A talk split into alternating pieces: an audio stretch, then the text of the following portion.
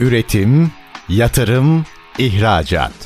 Üreten Türkiye'nin radyosu Endüstri Radyo sizin bulunduğunuz her yerde. Endüstri Radyo'yu arabada, bilgisayarda ve cep telefonunuzdan her yerde dinleyebilirsiniz. Endüstri Radyo.com Buket Calp'in hazırlayıp sunduğu içimizdeki yenilik programı başlıyor. Herkese merhaba. Buket Calp ile içimizdeki yenilik programı Kobilerin Sesi Radyosu Endüstri Radyo'da bu hafta da başladı efendim. Biliyorsunuz sizlerle birlikte her hafta birbirinden değerli konuklarımızı ağırlıyor ve onlarla inovasyon, teknoloji ve girişimcilik konuşuyoruz. İşte yine bu hafta çok değerli bir konuğumuz bizlerle birlikte Merve Aydıner bir inovasyon tasarımcısı, mucit ve çok e, başarılı bir iş kadını. Merve Hanım hoş geldiniz. Hoş bulduk Buket Hanım. Öncelikle çok teşekkür ederim davetiniz için. Ben çok teşekkür ederim. Değer kattınız. Nasılsınız? İyiyim sağ olun. Siz nasılsınız? Çok teşekkürler. Ben de gayet iyiyim. Merve Hanım dilerseniz önce kendinizi tanıtın. Dinleyicilerimiz de sizleri tanısınlar. Merve Aydıner kimdir, neler yapar? Buyurun lütfen. Ben Invamar'ın kurucusuyum. Invamar bir inovasyon stüdyosu genel olarak aslında akıllı teknolojiler üstüne, e, nesnelerin interneti dediğimiz teknolojiler üstüne çalışan bir kurum. Bununla birlikte asıl yaptığım iş inovasyon tasarımı. Öncelikle İstanbul Teknik Üniversitesi Tekstil Mühendisliğinden mezun olduktan sonra yurt dışında Milano'da tasarım yüksek lisansı yaptım. Onunla birlikte biraz bu akıllı ürünlerle etkileşimim başladı diyebilirim. E, ardından sonra Türkiye'ye dönüş yaptım. Yurt dışındaki şirketlere çalıştım. Bu alanda çalışan özellikle akıllı tekstillerin üstüne. Onlara tasarım danışmanlığı yaptıktan sonra şu anki işimizi kurmuş olduk. Çok teşekkür ediyorum Merve Hanım.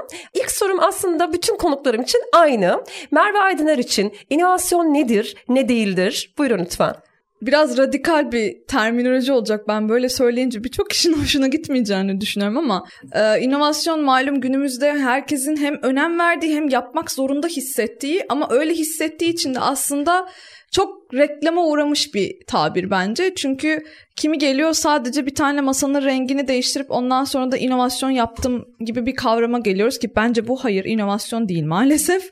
Ee, onun dışında tabii ki de yükseltmeli inovasyonlara karşı değilim ama Hani inovasyon genel olarak hani insanlığın daha iyi bir noktaya gelmesi için işte teknoloji geliştirdiği, belli tasarımları yaptığı, bunları iş modeline dönüştürdüğü, yani toplu bir kültür.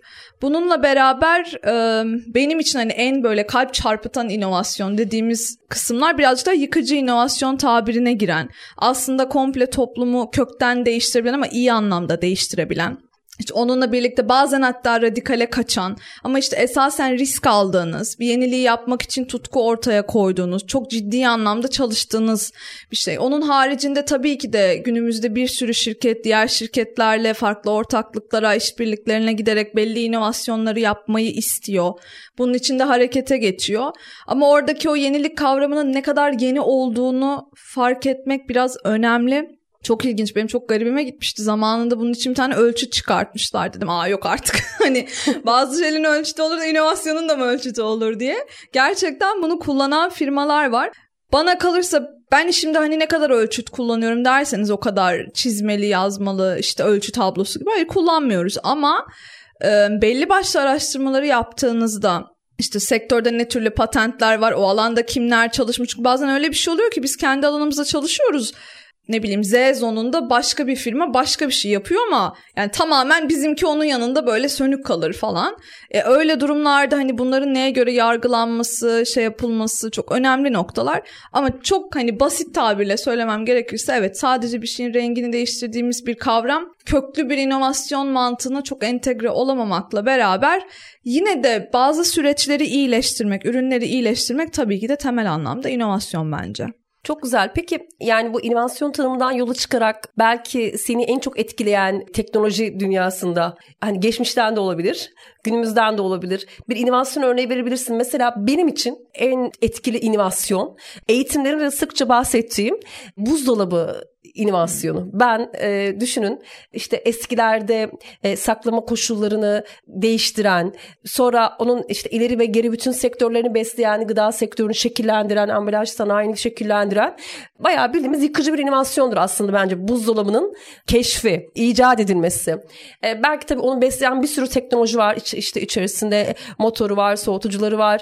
Ciddi bir aslında proses baktığınızda bir inovasyon evet, olarak e, tanımladığımızda ama e, yani yani bir değişme neden oluyor değil mi? Bu buzdolabı örneğinde. Evet. Sizin böyle bir örneğiniz var mıdır acaba? Öncelikle buzdolabı benim de favorilerimden bir tanesi. Şu an buzdolapsız hayat nasıl olurdu düşünmek bile istemiyorum ama yani süpürgeyle yer değiştiremeseler de ciddi anlamda şey. Benim e, aslında hani bazı zamanlarda hem danışmanlık verirken konuştuğum hem de birçok şirketi ya çok da teknolojide dike dike gitmeyin. Bazı şeyler çok da yakınınızda olabilir diye verdiğim, vermeyi de sevdiğim 2-3 tane inovasyon var. Bunlardan bir tanesi teknoloji inovasyonlarında çok nasıl diyeyim bilindik, düz, çok da klişe bir örnek. Steve Jobs'un iPhone'u icadı derler ya. Neden klişe diyorum? Herkes bunu söyler ama orada aslında mevzu teknolojiden ziyade birçok kişi de hani görürsünüz. İşte bazı çok önemli oyun konsollarının icadında ortaya çıkartılmasında rakipleri en iyi teknolojileri yapmak için uğraşırken bazı şirketlerin sadece kendi kullanıcılar için anlamlarını değiştirdiği ürünler var. Evet. Mesela bunlardan bir tanesi tamamen oyun oynamanın anlamını değiştirmişti. Önceden hani oyun konsolu böyle elinizde pıtı pıtı oynayıp televizyona baktığınız, sabit durduğunuz bir şeyken adam bir gün çıka geldi ve dedi ki hayır artık ayakta oyun oynayacaksınız. Çünkü ben böyle bir şey icat ettim. Garip bir şekilde bu mesela işe yaramıştı. Bu anlam inovasyonuna hani tasarım odaklı inovasyon kavramı deniyor fakat tasarımcılar günümüzde hani hep çok şey gibi anlatılır ya işte sadece bir ürünün şeklini değiştirdi, işte kullanıcısına uyumluluğunu arttırdı, şöyledir böyledir. Anlam inovasyonunda bir şeyi nasıl kullandığınızın daha doğrusu kullanıcı için bir şeyin anlamını değiştirme kavramı var. Benim çok sevdiğim bir örnek aslında mum. Yani mum çok diyeceksiniz şimdi ne alaka? Şöyle ki bir bakmışlar şu an dünyada kullandığımız mum sayısı elektrik icadından önce kullandığımız mum sayısından daha fazla. Ve bunun hani olmasının sebebine bakıyorlar garip bir şekilde. Bir bakıyorlar önceden mumlar sadece aydınlatma için kullanılıyormuş işte. Yakıyorsun her yerde tutuyorsun zaten elektrik yok mecbursun. Sonrasında başka bir e, nasıl diyeyim mum şirketi çıka geliyor diyor ki yok ya artık ben bunu bu şekilde kullanmayacağım. Bir adet kavanoz alacağım. Bu mumu da bunun içine koyacağım. Biraz da buna işte koku ekleyeceğim.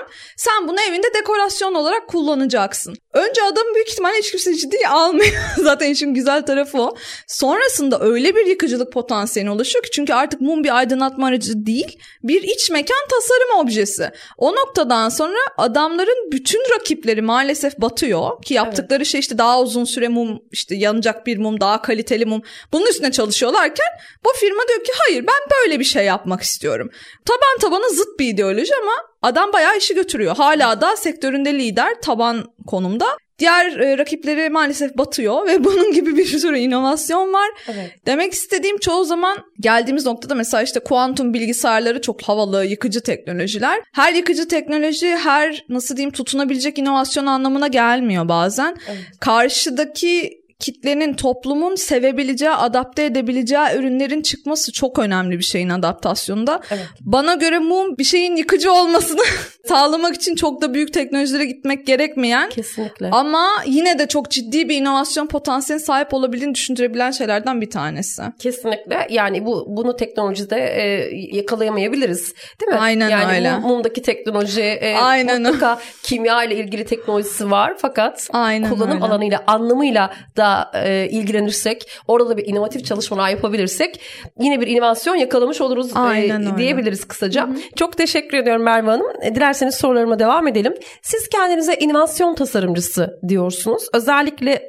işte mühendislik mezunu biriyken e, bir tasarım e, eğitimi alarak tasarım master'ı yapmışsınız ve özellikle hani şöyle bir inanış da var. Daha önce konuşmalarımızda da söylemiştiniz. Hani mühendis insan tasarım bilgisine ya da tasarım master'ına ihtiyaç duymaz. Eğer tasarımcı olacaksa mühendis olmamıştır gibi böyle söylemler var demiştiniz Evet. hatta. Şimdi siz kendinize neden inovasyon tasarımcısı diyorsunuz ve neden tasarım master yapma gereği duydunuz? Bunlardan biraz bahsedelim lütfen.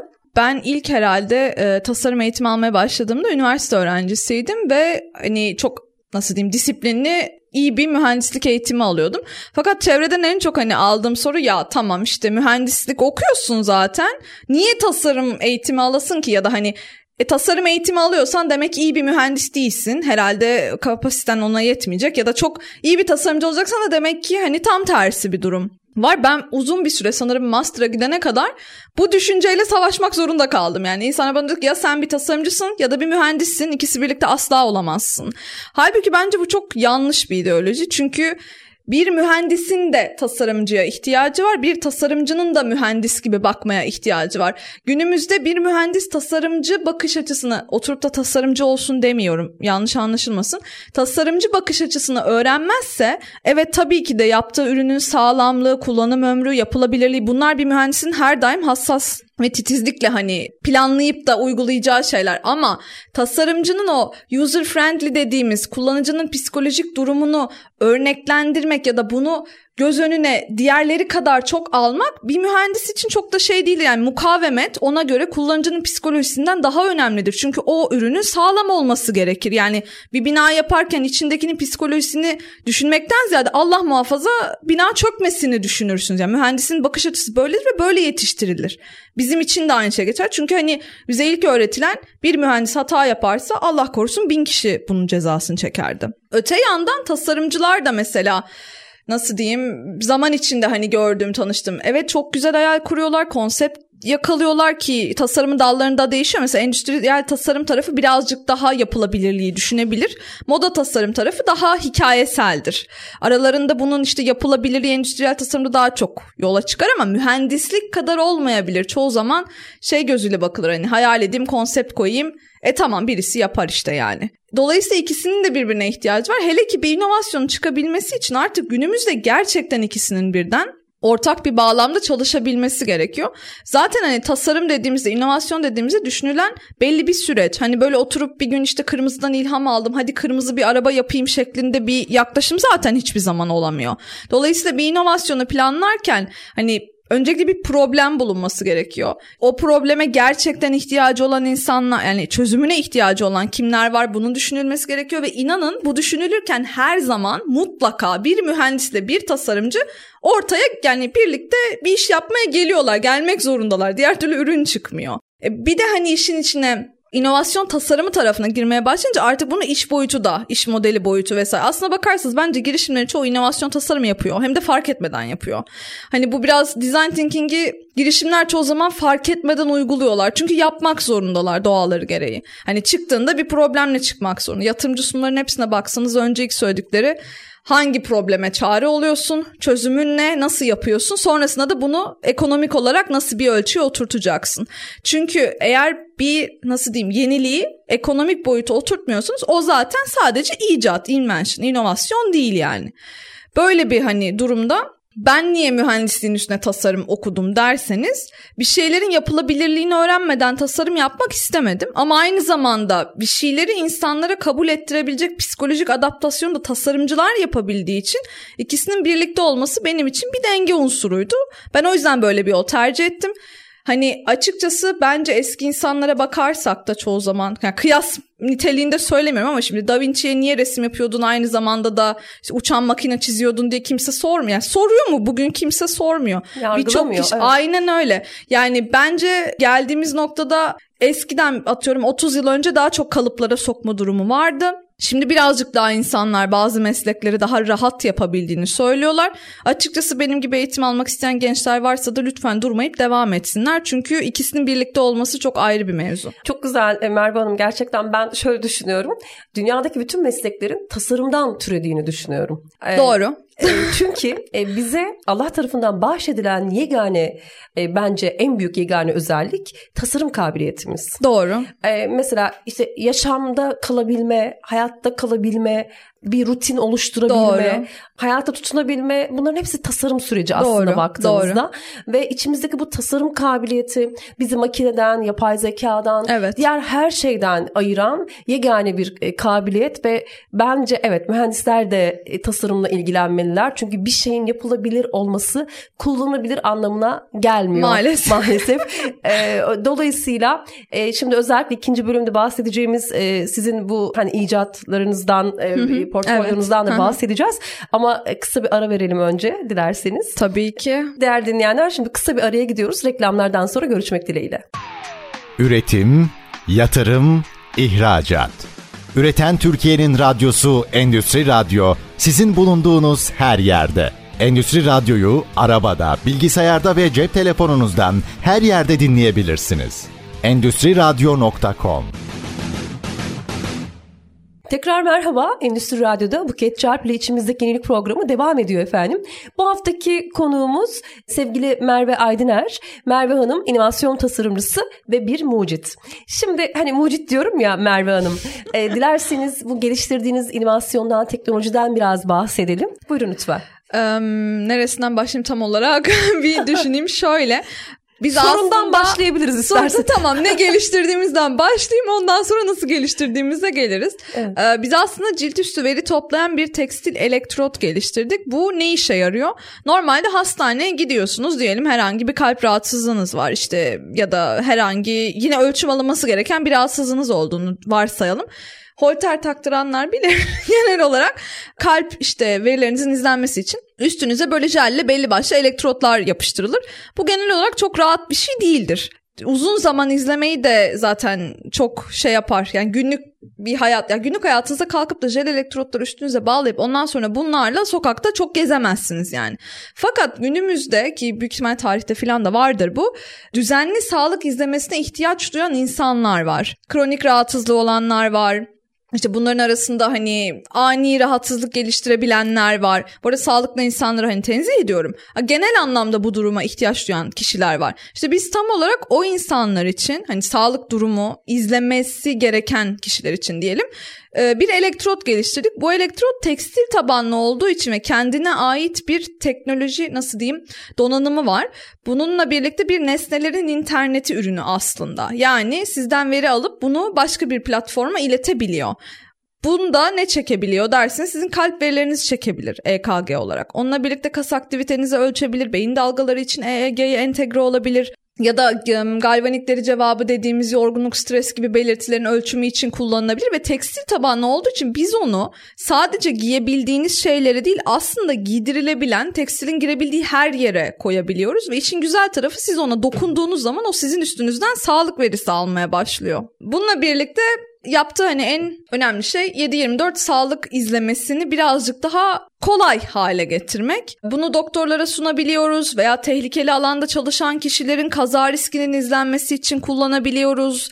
Kimi zaman işte savunma hattındaki askerlerin durumunun takibi için kullanabiliyoruz. Veya araç içinde gidiyorsunuz. Bu case hatta çok yapılmıştır. Çok önemli bir teknoloji şirketi de buna benzer bir şey saatiyle ilgili reklam yapmıştır. Kaza geçirdin senden haber alamıyorum. Ee, senin için ambulansı aradı mı? Aslında aracınız da bizim tekstil ona entegre edildiğinde yapabiliyor. Yani siz zaten direksiyona dokunduğunuz anda o sizin üstünüzden belli başlı sağlık verilerini alabiliyor Allah muhafaza kalp krizi geçirdiniz. Araç entegrasyonu veya telefonunuza yapılan entegrasyonla birlikte ambulansı arayabilir ya da doktora iletebilir. Veya evde bırakmaya çok korktuğunuz yaşlı bir insan var diyelim. Yine aynı şekilde hani ona bunu giydirdiğinizde kontrol edebilirliği artıyor ya da yani genel olarak çok uçan örnekler dediğim astronotlara giydirebiliyorsunuz. Harika. Ve onların şimdi çalıştıkları ortamlar biraz çok stresli öyle söyleyeyim. İşte ekstrem koşul seviyesine girdiği için sadece psikolojik olarak değil fizyolojik olarak da çok stresli ortamlar. Böyle durumlarda onları makinalara bağlayıp izleme yapmak yerine bizim ürettiğimiz kumaş işin içine girdiği takdirde siz sanki üstünüzde hiçbir şey yokmuş gibi onu giyip ondan sonra bütün sağlık verilerinizi tek tek tek çekip gerek işte telefon gerek bilgisayar üstünden gerekli kişilere belirlediğiniz izin verilen tabii KVKK kapsamında bunların hepsine izin verilen kişi ve kurumlara iletimini gerçekleştirebiliyorsunuz. Bu da e, ne derler birazcık daha önlenebilir sağlık hizmetlerini arttırmaya yönelik bir buluş. Harika gerçekten dünya literatürüne girecek e, harika bir yenilik. Çok tebrikler. Yani ben e, yaklaşık 50 küsür yayın oldu zannediyorum. Maşallah. E, evet ama beni en heyecanlandıran yeniliklerden birisi. Bayağı yenilik konuştuk Çok burada. teşekkürler. Bir de şimdi siz hem inovasyon danışmanısınız hem evet. inovasyon tasarımcısınız hem de mucitsiniz. Hazır sizi bulmuşken. Ha, bu yeniliğinizin üzerinden bu inovasyonunuzun üzerinden inovasyon süreçlerini konuşalım isterim. Ee, böyle hani çok böyle şey yapmadan belki 4-5 ana e, bölüme bölerek inovasyon süreci ve ürününüz örneklerle hı anlatmanızı hı. rica edeceğim. Buyurun lütfen. Tabii. Şimdi açıkçası şöyle söyleyeyim. Bazen hani literatürde ne derler çok böyle metodolojik ilerlemeler gösterilebiliyor. Evet bunların hepsi doğru. Yani gerçekten işte tasarım odaklı düşünceyle başlanması, o belli bir nasıl diyeyim alanınızı hani koca bir Mars yüzlerini keşfetmek yerine daha doğru noktalardan başlayarak bir şeyleri yapmakla ilgili. Ama bazen de çok nasıl diyeyim girişimlerin kullandığı bir tabir var. Kervan yolda düzelir. Bazı yenilikler için öyle bir süreç oluyor. Dolayısıyla inovasyon tasarımı danışmanlık yaptığım yerlerde de genel olarak aynı şeylerle başlıyoruz. Belli bir noktada sistem olarak size oturmaya yerleşmeye başlıyor. Dolayısıyla benim çok sevdiğim bir yine başka bir inovasyon teorisine derler ki kullanıcı odaklı inovasyon. Yani kullanıcının kendisinin geliştirdiği bir inovasyon türü var. Örneğin mesela bu gerçekten dünyada var çok gülmüştüm ben buna. Sörfçüler sörf yapmayı çok seviyor yazın. Bakıyorlar kışın denize girip sörf yapamıyorlar. Ne yapsak ne yapsak deyip bayağı kaykayı icat ediyorlar. Diyorlar ki biz işte buna tekerlek takalım böyle kayalım artık. Şimdi bizim inovasyon sürecimiz de biraz böyle başlamıştı. Üzerinde çalıştığımız başka bir projemiz vardı. Orada e, konuşamayan bireylerin nöro durumlarını tercüme etmek üstüne çalışmayı hedefliyorduk. Fakat Sektöre bakınca elimizin altındaki hiçbir elektrot istediğimiz şeyi yapmaya yetmiyordu. Dolayısıyla biz son geliştirdiğimiz ürünü aslında belli bir problem çerçevesinde. Çünkü bir insana bunu 7-24 giy dediğinizde çok farklı şeyleri düşünmeniz gerekiyor. Rahat edecek mi? Psikolojik olarak buna hazır olacak mı? Yani bir insanın sürekli izlenebilmesi bir kere psikolojik olarak onu sıkıntıya sokan bir şey. Bu bariyerin aşılması lazım. Onunla birlikte işte bunu yapılabilirliğini falan zaten rafa kaldırıyorum. Günlük hani giysilerinizin kullandığı her şeyin aynılarına zaten sahip olması lazım. Bir de eklentiler var. Bir şeye teknoloji girince hele de son yıllarda artık yapay zeka falan girince insanlar otomatik olarak korkmaya başlıyorlar o teknolojilerden. Sizin de mutlaka rastladığınız bir şeydir. Evet yani şöyle çok güzel adım adım gidelim isterseniz. Önce bir hani sorun e, tanımlaması Hı. ama hangi sorun yani ne kadar büyük sorun. Hani Mars örneğin çok güzel verdiniz bütün Mars üzerine değil de hani odak bir sorun e, çerçeveyi Hı. daraltmak e, evet. kıymetli ya hani gerçekten evet. inovasyonlarda. Başka bir inovasyona e, çalışırken o süreçteyken Hı. yeni bir inovasyon Nasıl gelişme ne diyelim buna eklemeli inovasyon. Ekleme. Yoldan geçerken çantayı dolduruyoruz. Gerçekten ne diyelim bilemedim. Ee, harika belki üzerine çalışıp yeni bir tanımlama geliştirebiliriz ama mutlaka literatürde değeri vardır. Gerçekten sorunu tanımlarken nasıl buluyoruz? E, nasıl yani hani daraltmak o çerçeveyi daraltmaktan bahsettiniz ya. Hı-hı. Böyle başladınız zannediyorum değil mi önce? Evet aslında e, az önceki kaykay örneğini vermemin sebebi o. Benim danışmanlıkta da söylediğim hatta böyle bazen gençlerle konuşurken de onlara söylediğim çok sevdiğim bir şey var. En yakın problemi etrafında arayacaksın diye. Evet. Hatta kendi sorunun varsa onu arayacaksın. Çünkü bir problem sizde varsa inanın sizden daha iyi onu zaten irdeleyip ortaya koyabilecek bir şirket yok. Niye? Çünkü birebir siz yaşıyorsunuz zaten. Yani ya şimdi Alzheimer yaşayan bir insan için bir ürün yapacaksanız bir kişi tam nasıl diyeyim beyin fonksiyonlarını kaybetmeye başlamadan önce Alzheimer'ken bir ürünü çıkarttığında o ürünü tutma potansiyeli dışarıdan bir şirketin Alzheimer için ürün yapıyorumu tutturmaya çalışması arasında dünya kadar fark var. Çünkü içinde olduğunuz şeyi çok farklı anlatabiliyorsunuz. Dolayısıyla bizde de nasıl diyeyim işte ekip arkadaşlarımla birlikte gerçekten dertlendiğimiz bir problem oldu. Konuşamayan bireylerin e, yakınımızda gördüğümüz bir problemdi ve bizim çok dikkatimizi çeken ve çözmek istediğimiz bir problemdi. Bir sürü şirket çoğu zaman kar amacından mütevellit dünyada çok potansiyel gösteren problemlere evriliyor. Tamam bu yanlış bir yaklaşım değil ama onu çözerken ki sebat kısmı sıkıntı. Çünkü insanlar zaten yani genel olarak şöyle düşünüyoruz biz bir araya geldiğimizde. Hani bir teknoloji var, yıkıcı teknoloji potansiyeli var, marketi var. Bunun da şöyle bir problemi var. Haydi hep birlikte girelim. Fakat inovasyonu yaparken en büyük aslında ihtiyaç duyduğun şey bilgi ve paradan ziyade sabır ve risk alma yeteneği. Dolayısıyla mesela bence birçok inovasyon üstüne çalışan kurum, ARGE departmanı çok uzaklara gitmekten önce kendi etraflarında ne bileyim annesinin, babasının, işte patronunun, kayınvalidesinin birisinin yakın çevrede yaşadığı bir problemi önce küçük bir nokta olarak bulduk buna başlarken sonrasında tabii ki de marketine bakıyoruz. Yani o problem ya maalesef bakıyoruz. Çok sevmesek de baktığımız oluyor. Çünkü o inovasyonu ortaya çıkartacak kişilerin tabiri caizse maaşları, o şirketin hani sağlık sigortaları ödenmesi gibi şeylerden dolayı bunlar göz önünde bulunduruluyor ama mercek önce mikroskopik olarak bence en hani direkt şekilde en başarılı yani başarı yüzde oranı daha yüksek olacak inovasyon etrafınızdaki herhangi bir problem ya da sizin bireysel yaşadığınız bir problemi çözmekle başlıyor. Evet yani probleme yakın olmak, e, probleme Evet. dokunmak, Evet. e, problemi yaşayan kişilerle hatta pro- problemi yaşayan kişi olmak Aynen. e, çok kıymetli. Ben şimdi farklı yaş gruplarıyla özellikle tasarım süreçlerini çalışmayı çok seviyorum. Ortaokul e, yaş grubunda işte deney atölyelerinde üretim tasarım eğitmenliği yaptığım dönemlerde hayalimdeki yolculuk tasarım süreciyle ilgili bir atölye e, yapıyoruz. Biz tabii şey yaptık. Sandalyeleri dizdik arka arkaya bir otobüs bir işte toplu taşıma e, ortamı oluşturmaya çalıştık ve ard arda dizilip hayalimizdeki yolculuğu tasarlamaya başladık. E, çok kıymetliydi ve oradan öğrencilerimden biri şey dedi. Hocam dedi babam hafta sonu işte şuraya gidecek. İyisi mi dedi o yola giderken ben onu telefonda arayayım dedi. Gide- İşte. o yoldan konuşalım. Hatta diyor yanındaki e, diğer kişiye de versin diyor. Hani o da söylesin problemlerini böyle daha iyi olmaz mı dediğinde Evet. ben de gerçekten bırakalım dünyayı çocuklar yönetsin. Çok mantıklı. İnovasyonu da çocuklar geliştirsin demiştim kendi kendime. Kesinlikle öyle. Problemin yaşandığı an ve problemi Aynen yaşayan öyle. kişilerin o e, hani belirlenmesi, bir popülasyon çıkarılması çok kıymetli. Hani pazar segmentasyonu diyoruz ya özellikle. Evet. E, burada da belki bir problem problem segmentasyonu oluşturmak da çok kıymetli. Peki sonra ne yaptınız? Problemi tanımladınız. Evet. Daralttınız çerçevenizi. Evet. Sonra en uygun teknolojiyi mi aradınız? Yani önce dediğim gibi önce biz kararlılık kısmıyla bir başlanıyor. Yani çünkü şimdi girişimlerden örnek vereyim. Hayati değerdedir problem. O çözülmek zorundadır. Onu çözmezse zaten bir girişim hayatta kalamaz genel olarak. Bizde yani ne de dediniz? Bu çözeceğiz. çözmek zorundayız, dedik. Zorundayız. Ha. Eee, hani bunun için çok güzel tabirler var Türkçe'de şimdi kullanmayacağım ama genel olarak önce bir nevi kafaya koymakla başlıyor. Ondan sonra şimdi tabii ki de bu problem başkaları nasıl çözmüş diye bakıyorsunuz. Oturunca bir anda icat edeyim falan diye çıkmıyor genelde.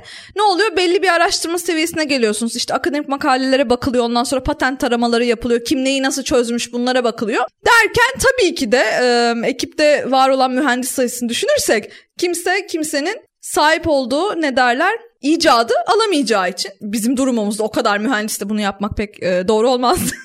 Dolayısıyla dedik ki oturup biz kendimiz bunu nasıl çözelim? Yani herkes böyle çözmüş. Bu çözülenlerin böyle böyle noktaları var. Evet biz de böyle yapalım. Hah işte burası inovasyonun belki de pik noktası değil mi? Aynen öyle, Yani başladı. Yenilik burada başlıyor Aynen. aslında değil mi? Herkes bunu yapmış peki biz ne yapalım? Aynen öyle. Bizim değer önerimiz ne olacak? Aynen öyle. Yani onlar böyle çözdü de biz böyle çözmek istemiyoruz. Hani biz böyle çözelim istiyoruz Yani dediğiniz an başlıyor. Biz böyle çözmek istemiyoruz değil de hani onlar öyle çözdü ama probleme tam karşılık gelmiyor bu çözüm. Evet biraz mi? öyle oluyor. Tabii Biraz- hani sadece nasıl diyeyim beğenmedik öyle olmasın şeklinde değil de. Biz daha iyisini Aynı o, o şekilde olmuyor da hani daha çok e, sizin aradığınız problem tanımında bazen herkes her şeyi tamamen kapatmış olmuyor. Yani Evet. bunu bir münazara gibi düşünebilirsiniz. Hani karşı tarafı ikna etmek derler ya genel olarak. Evet. Bakıyorsunuz evet adam çok güzel bir şey yapmış. Onu yapmış, bunu yapmış, şunu yapmış. Belki fiyattan dolayı siz onu alıp entegre edemezsiniz. Belki üretim tekniğinde sıkıntı var. Siz onu çoğaltamıyorsunuz. Belki o şekilde bir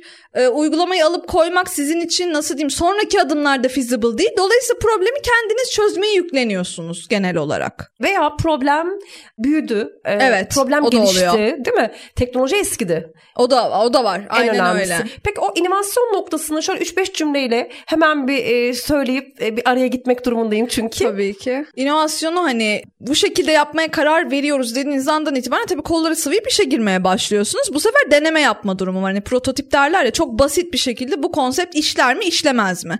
İşte bu sefer de onun işleyip işlememesi için bir küçük araştırma fazına giriyorsunuz. Çünkü önce bakıyorsunuz tamam insanlar böyle çözmüş. Ben şu noktayı seçiyorum. A noktasından başlayacağım. B noktasına gitmek için gerçekten çıkabilir miyim? Biraz da bunu deneyeyim diyorsunuz ve öyle yola koyuluyorsunuz. Harika. O zaman kısa bir ara verelim. Kaldığımız yerden devam edelim. Buyurun lütfen. Tamamdır. Üretim, yatırım, ihracat. Üreten Türkiye'nin radyosu Endüstri Radyo sizin bulunduğunuz her yerde. Endüstri Radyo'yu arabada, bilgisayarda ve cep telefonunuzdan her yerde dinleyebilirsiniz. Endüstriradyo.com Tekrar merhaba. Buket Çarpı'lı içimizdeki yenilik programı Kobilerin Sesi Radyosu Endüstri Radyo'da devam ediyor efendim. Bu haftaki konu Merve Aydıner. Kendisi bir inovasyon tasarımcısı ve bir mucit. Birinci ve ikinci bölümde özellikle inovasyon tasarım süreçlerinden bahsettik ve kendisine ait olan yenilikten bahsetti Merve Aydıner. Ee, birazcık daha aslında ikinci bölümde biraz eksik kaldı. Teknolojiyi geliştirme süreçlerinizden bahsederek e, bir de süreçle ilgili bir patent e, fikri mülkiyet haklarıyla alakalı bir çalışmanız var mı? Bundan da bahsederseniz buyurun. Evet var. Şimdi öncelikle şöyle söylemek istiyorum. Patent avukatlarının çok sevdiğim bir tabiri vardır.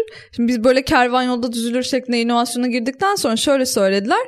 Patent savaşları diye bir tabir var yenilik dünyasında. Evet. Ee, Ve maalesef geliştirmeye çalıştığınız herhangi bir yenilik için patent başvurusu şart. Bizim de tabii ki var. Hem Türkiye içerisinde hem uluslararası ve raporu zaten olumlu geldi. Bu şekilde bir koruma altına aldık. Almamız da gerekiyordu çünkü dediğim gibi yenilik dünyası oldukça rekabetçi bir dünya. Kimi zaman bireysel olarak geliştirdiğiniz bir yeniliği başka bir şirket duyup siz almadan önce almaya kalkabiliyor. Veya tam tersi durumlar oluyor. Yani inanın inovasyon üstüne çalışan o kadar çok kurum var ki çoğu zaman da eğer karşılarında birazcık daha güç dengeniz aşağıdaysa bu işte bireysel kişiler başvuru yaparken ya da herhangi bir ne derler girişim bu işi üstlenmeye başladığında netice itibariyle gücünüz olmadığı için yaptığınız yeniliği patent başvurusu olmazsa elinizden kaçırma ihtimali çok yüksek. Çünkü yenilik gerçekten geldiğimiz noktada hani şöyle düşünün hava ve su gibi şirketler için. Yani olmak zorunda. Çünkü artık öyle bir noktadayız ki bazen diyoruz ki her şey icat edildi. Bazen diyoruz ki hayır daha gidecek çok şey var. Şimdi her şey icat edildi dönüşemiyorum diyen kurumlar eğer bunlardan bir tanesine denk gelirseniz ve inanın e, elinizdeki fikir onlar için hayati önem arz eden bir şeyi çözüyorsa veya onlar için hayati bir market açıyorsa ve siz bunun patentine başvurmadıysanız maalesef Allah rahmet eylesin. Yani böyle bir e, durum var. Üzücü olacak ama bu şekilde ilerliyor. Dolayısıyla evet biz bizimki için de patent başvurusunu aldık. Hatta daha kapsamlı aldık. Ek patentlerine de başvuruyoruz.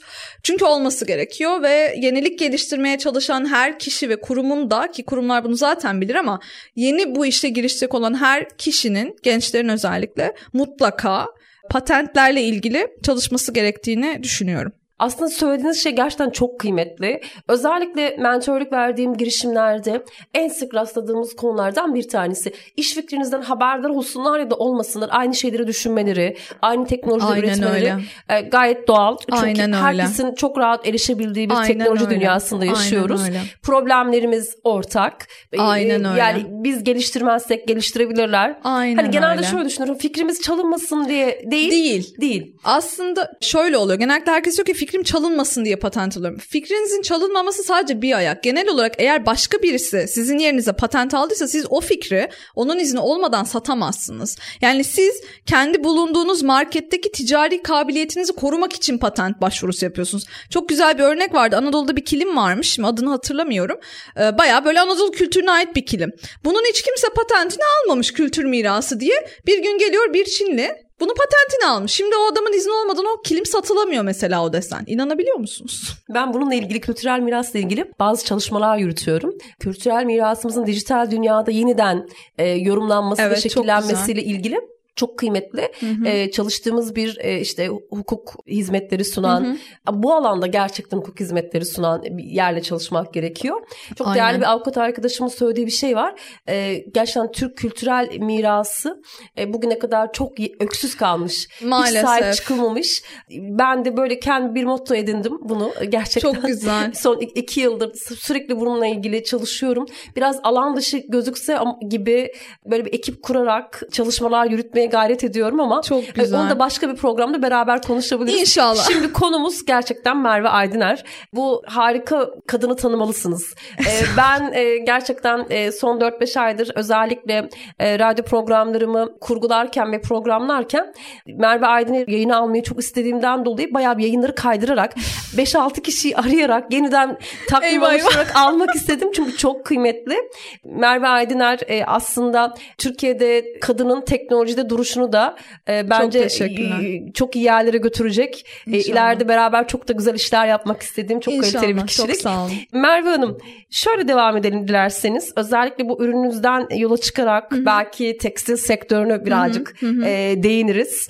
Şu anda Türkiye'de tekstil sektörüyle ilgili hani yenilik olanakları, e, inovasyon olanakları neler? Belki bundan bahsedebiliriz. Evet tabii Buyurun. ki. Şimdi aslında dünyaya baktığımızda genel olarak tekstil sektörünün iki kalemde ya da üç kalemde toparlanmaya çalıştığını görürüz. Bunlardan bir tanesi sürdürülebilirlik. Birazcık daha etik hani üretim yapmak, işte geri atıkların yönetilmesi vesaire gibi sürdürülebilir bir kalem. Artık hani onsuz bir üretim zinciri zaten düşünülemiyor. O yüzden ya bunun için işte yeni lifler filan icat ediliyor. Güzel çalışmalar var vegan deriler ve benzeri şeklinde.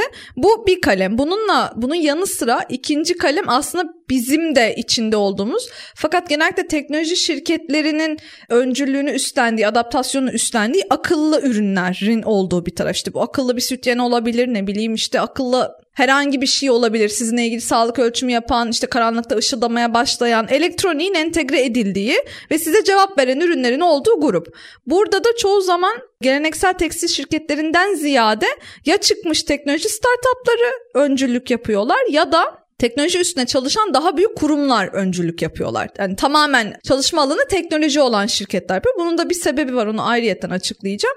Ee, üçüncü taraf da birazcık daha havalı bir teknoloji alanı diyeyim. Bu şey derler ya işte AR, VR birazcık daha deneyim odaklı, retail'a daha uygun olan işte perakende sektörüne e, adını vermeyeyim sanal verse'ler vesaire şeklinde. Biraz da orada bir yenilik var. Oralarda işte shop açılabiliyor. Hatta bazı benim çok merakımı uyandıran şeylerden bir tanesi. İlginç geliyor bana. Artık dünyada tasarımcıların bir kısmı fiziken moda tasarımı yapmıyor da sanal verse'e göre aslında tasarım yapıyor ve orada sunuluyor ve inanın çok büyük markaların e, orada ikonik tasarımları satılıyor ve ciddi rakamlara satılıyor yani Bitcoin'le filan. Böyle bir üçlü aslında beklentisi Dünyası var gibi bunları söyleyebilirim. Onun dışında mesela birazcık daha kriptoyla girenler var ama onlar henüz zemine oturmadı. İşte kripto belgeler işte bir şeyin sürdürülebilirliğinin onaylanabilmesi için kripto şeklinde yazılması falan gibi böyle şeyler de var. Yani tekstilin yakın tarihte herhalde beklediği en büyük dönüşümlerden birkaç tanesi bu. Bir de işte yapay zekalı trend asistanlı oluyor genelde. Bunlar çok büyük verileri sağlayabildiği için şirketlere, şirketlerin herhangi bir şeyi tasarlaması kullanıcının zevkine ya da işte seçimlerinin analizine, psikolojisine analizine vesaire bu bütün big datayı yapay zeka analiz ediyor. Tasarımcılar ve tekstil sektöründe diyor ki hayır bu iş yapar, yok bu iş yapmaz. Böyle bir e, dönüşüm şeyi var esasen tekstil sektöründe. Ya yakın tarihte olmasını beklediğimiz bu şekilde. Çok güzel. Ben başka bir şey daha söyleyeceğim. Buyurun. Mesela e, oyun sektörünü düşünün. Oyun sektöründe bu dijital e, tekstil de çok kıymetli. Ya o kadar karışık ki aslında dijital işte e, tekstil dediğimiz zaman şu an dijital kıyafetler evet, de var evet, değil mi? Evet. Hani bir aplikasyonu var işte renk değiştiriyor, evet, şekil değiştiriyor evet. falan. Bir de hani oyun sektöründe işte meta evrende evet. ki karakterleri evet. E, geliştirilen işte giysiler. E, tekstil giysiler ve takılar var. Evet. E, o kadar kıymetli ki aslında bak baktığınızda orada da tekstilcilere ihtiyaç var değil var, mi? Var yine var. Tasarımcılara orada ihtiyaç var. İşte orada aslında değişik bir denge var. Birçok kişi önceden dedi ki artık giysiler fiziken hani bizi e, örtmek fonksiyonlarının dışında çok fazla moda tabiriyle alınmayacak ve metaverse'te alınacak dendi. Fakat ilginç bir şekilde her ne kadar e, moda sektörü diyeyim tekstilin. Tekstil birazcık daha büyük çünkü teknik tekstiller de içine giriyor ama moda sektörü genel olarak sürdürülebilirlik için metaverse bir ilaçtır dese de garip bir şekilde metaverse'in çalışabilmesi için e, galon galon enerji yuttuğu mesela. Evet. Ve hani o herhangi bir prototipi fiziken çıkarmak çok büyük bir israftır diyorduk ama hani bir giysinin üretime gireceği süreç boyunca şimdi metaverse'te yapılması daha büyük bir enerji ve aslında sera gazı e, etkisine sebebiyet veriyor gibi çalışmalar çıkmaya çıkmaya başladı. Bu da ilginç ama yine de tasarımcılara ihtiyaç var. Yani oraya adapte olabilecek, en hızlı adapte olabilecek iki kişi herhalde şey olurdu. Biri moda tasarımcısı genel manada bahsettiğiniz takıların ve işte benzerlerin tasarlanabilmesi için. İkincisi de retail shoplarını oradan açıp oradan da bir gelir akışı elde etmek isteyen büyük şirketler ki zaten bayağı büyükleri çoktan orada bir shop açtılar bile yani. Kesinlikle katılıyorum çünkü yeni iş dalları ve aslında mesleklerin yeniden yorumlanması hani yeni iş Evet. dallarından önce mesleklerin yeniden yorumlanması Evet. bir moda tasarımcısının sahip olması gereken teknolojik Evet. e, envanter de gitgide çoğalıyor Aynen büyüyor değil mi? öyle. E, Ben bir de özellikle bu Milano'da yaptığınız tasarım master'ında e, bir e, portfolyonuz vardı, çalışmalarınız Evet. vardı değil mi? evet. Birazcık bunlardan bahsederek de bizi dinleyen özellikle sektörde olan e, profesyonellere belki bir yenilik kazandırmış oluruz. Buyurun lütfen. Tabii şöyle başlayayım. Aslında benim orada kendisini gerçekten bulduğumda tekrar tekrar teşekkür etmek istediğim, çok değer verdiğim bir akademik direktörüm vardı. Ee, Biraz beni kendisi şey yaptı, nasıl diyeyim, itekledi öyle söyleyeyim. Çünkü tasarım okulundan mezun olurken dönem sonlarında, bu arada benim okuduğum okul akademik background'dan ziyade sektöre hazır, daha doğrusu projelerle sektör profesyoneli yetiştirmeye odaklı çalışan bir okuldu ve biz her dönemde işte dört tane proje alır. Bu projelerin her birinde bir firmayla eşleşirdik. Onlara göre proje sunardık. Bayağı böyle nasıl diyeyim dersten ziyade proje yaptığımız bir yerdi. Ve mezuniyet içinde tabii ki bir e, son bir koleksiyon çıkartmamız gerekiyordu. Bir gün bu koleksiyon hazırladım. Hani normal bir koleksiyon. Akademik direktör geldi. Sen dedi hani işte ne yapmak istiyorsun? Yani dedim normalde akıllı tekstil yapmak istiyorum ama dedim yani şimdi o bir beş yıl falan vardır diyorum böyle. Niye dedi şimdi yapmıyorsun? Dedim yani şurada kalmış defile iki ay. Yani para yok, hoca yok, kimse yok. Ben dedim bunu ne yapayım şimdi sen ne diyorsun bana? Aa dedi olmaz dedi ilk defa dedi çıkacaksın. Moda dünyası seninle ilk defa tanışacak. Hani bunun için bence dedi bir parça bile olsun koysan şöyle böyle demeye kalmadı. Tamam dedim. Yani tamam keşke bu radyo programını duysa belki bir gün Milano'da tekrar karşılaşırız ama Tamam dedim ve ondan sonra iki tane daha kafadar arkadaşımla biz oturduk. Uzun zaman sponsor aradım ben ve e, bulamadım yani ulaşamadım. Akıllı tekstil alanı çok dar bir alan çünkü genel olarak. Sonradan bir e, hoca bulabildim. Birazcık daha sponsorluk getirecek. Geri kalan iki arkadaşımla beraber de bayağı oturup teknoloji yaptık yani oturduk tek tek kendimiz ışıklı bir tekstil yaptık. Ve defile ışıkları da bayağı parlaktır malum. Bu koleksiyonu hazırladık. Defileye çıktı ama yani yana yakıla falan çıktık çünkü herhangi bir elektronik ürünü yaptığınızda o kadar çok risk var ki. Hani onu giyen kişi devreden yanacak mı, sıcaklık verecek mi, işte led var, o var, bu var, şu var. Stresten ölüyoruz. Öyle bir ortam. Ee, bu koleksiyonu sunduk ama işte e, ne derler Allah insan çabalarını ta- şey veriyor ne karşılığını onu söyleyebilirim. Sonunda bu koleksiyon ödül aldı. Londra International Creative Contest tarafından. Dünya çapında hani o, yıl girmiş en iyi 100 proje arasına seçildi. Benim de kariyerimin ilk mihenk taşı oldu denebilir. Çünkü ondan sonra Türkiye'ye döndükten sonra yurt dışındaki e, firmalara ben ilk gittiğimde şöyle bir durum vardı. Teknoloji şirketleri olduğu için normal bir tasarımcı ile bazı konularda elektronik entegrasyon ilgili anlaşamayabiliyorlardı. Benim de daha önce bununla ilgili bir çalışma şeyim olduğundan hep birlikte ürün geliştirmeye başladık esasen. Sonra da benim kariyer başladı yani. Yani kariyerinizin neresine dokunsak bir şahanelik çıkıyor. Merve Hanım o kadar mutluyum ki e, Türkiye'de olmanızdan. Teşekkür ederim, Türkiye'de sağ değer olun. üretiyor olmanızdan. Teşekkürler. E, hep burada olun. E, İnşallah. hep beraber umuyoruz. gerçekten. e, gurur verici. Çok sağ olun. E, şimdi yayının yavaş yavaş sonuna doğru geliyoruz. Birkaç cümleyle toparlayalım. Sonra Tabii. kapanışa geçeceğim ben.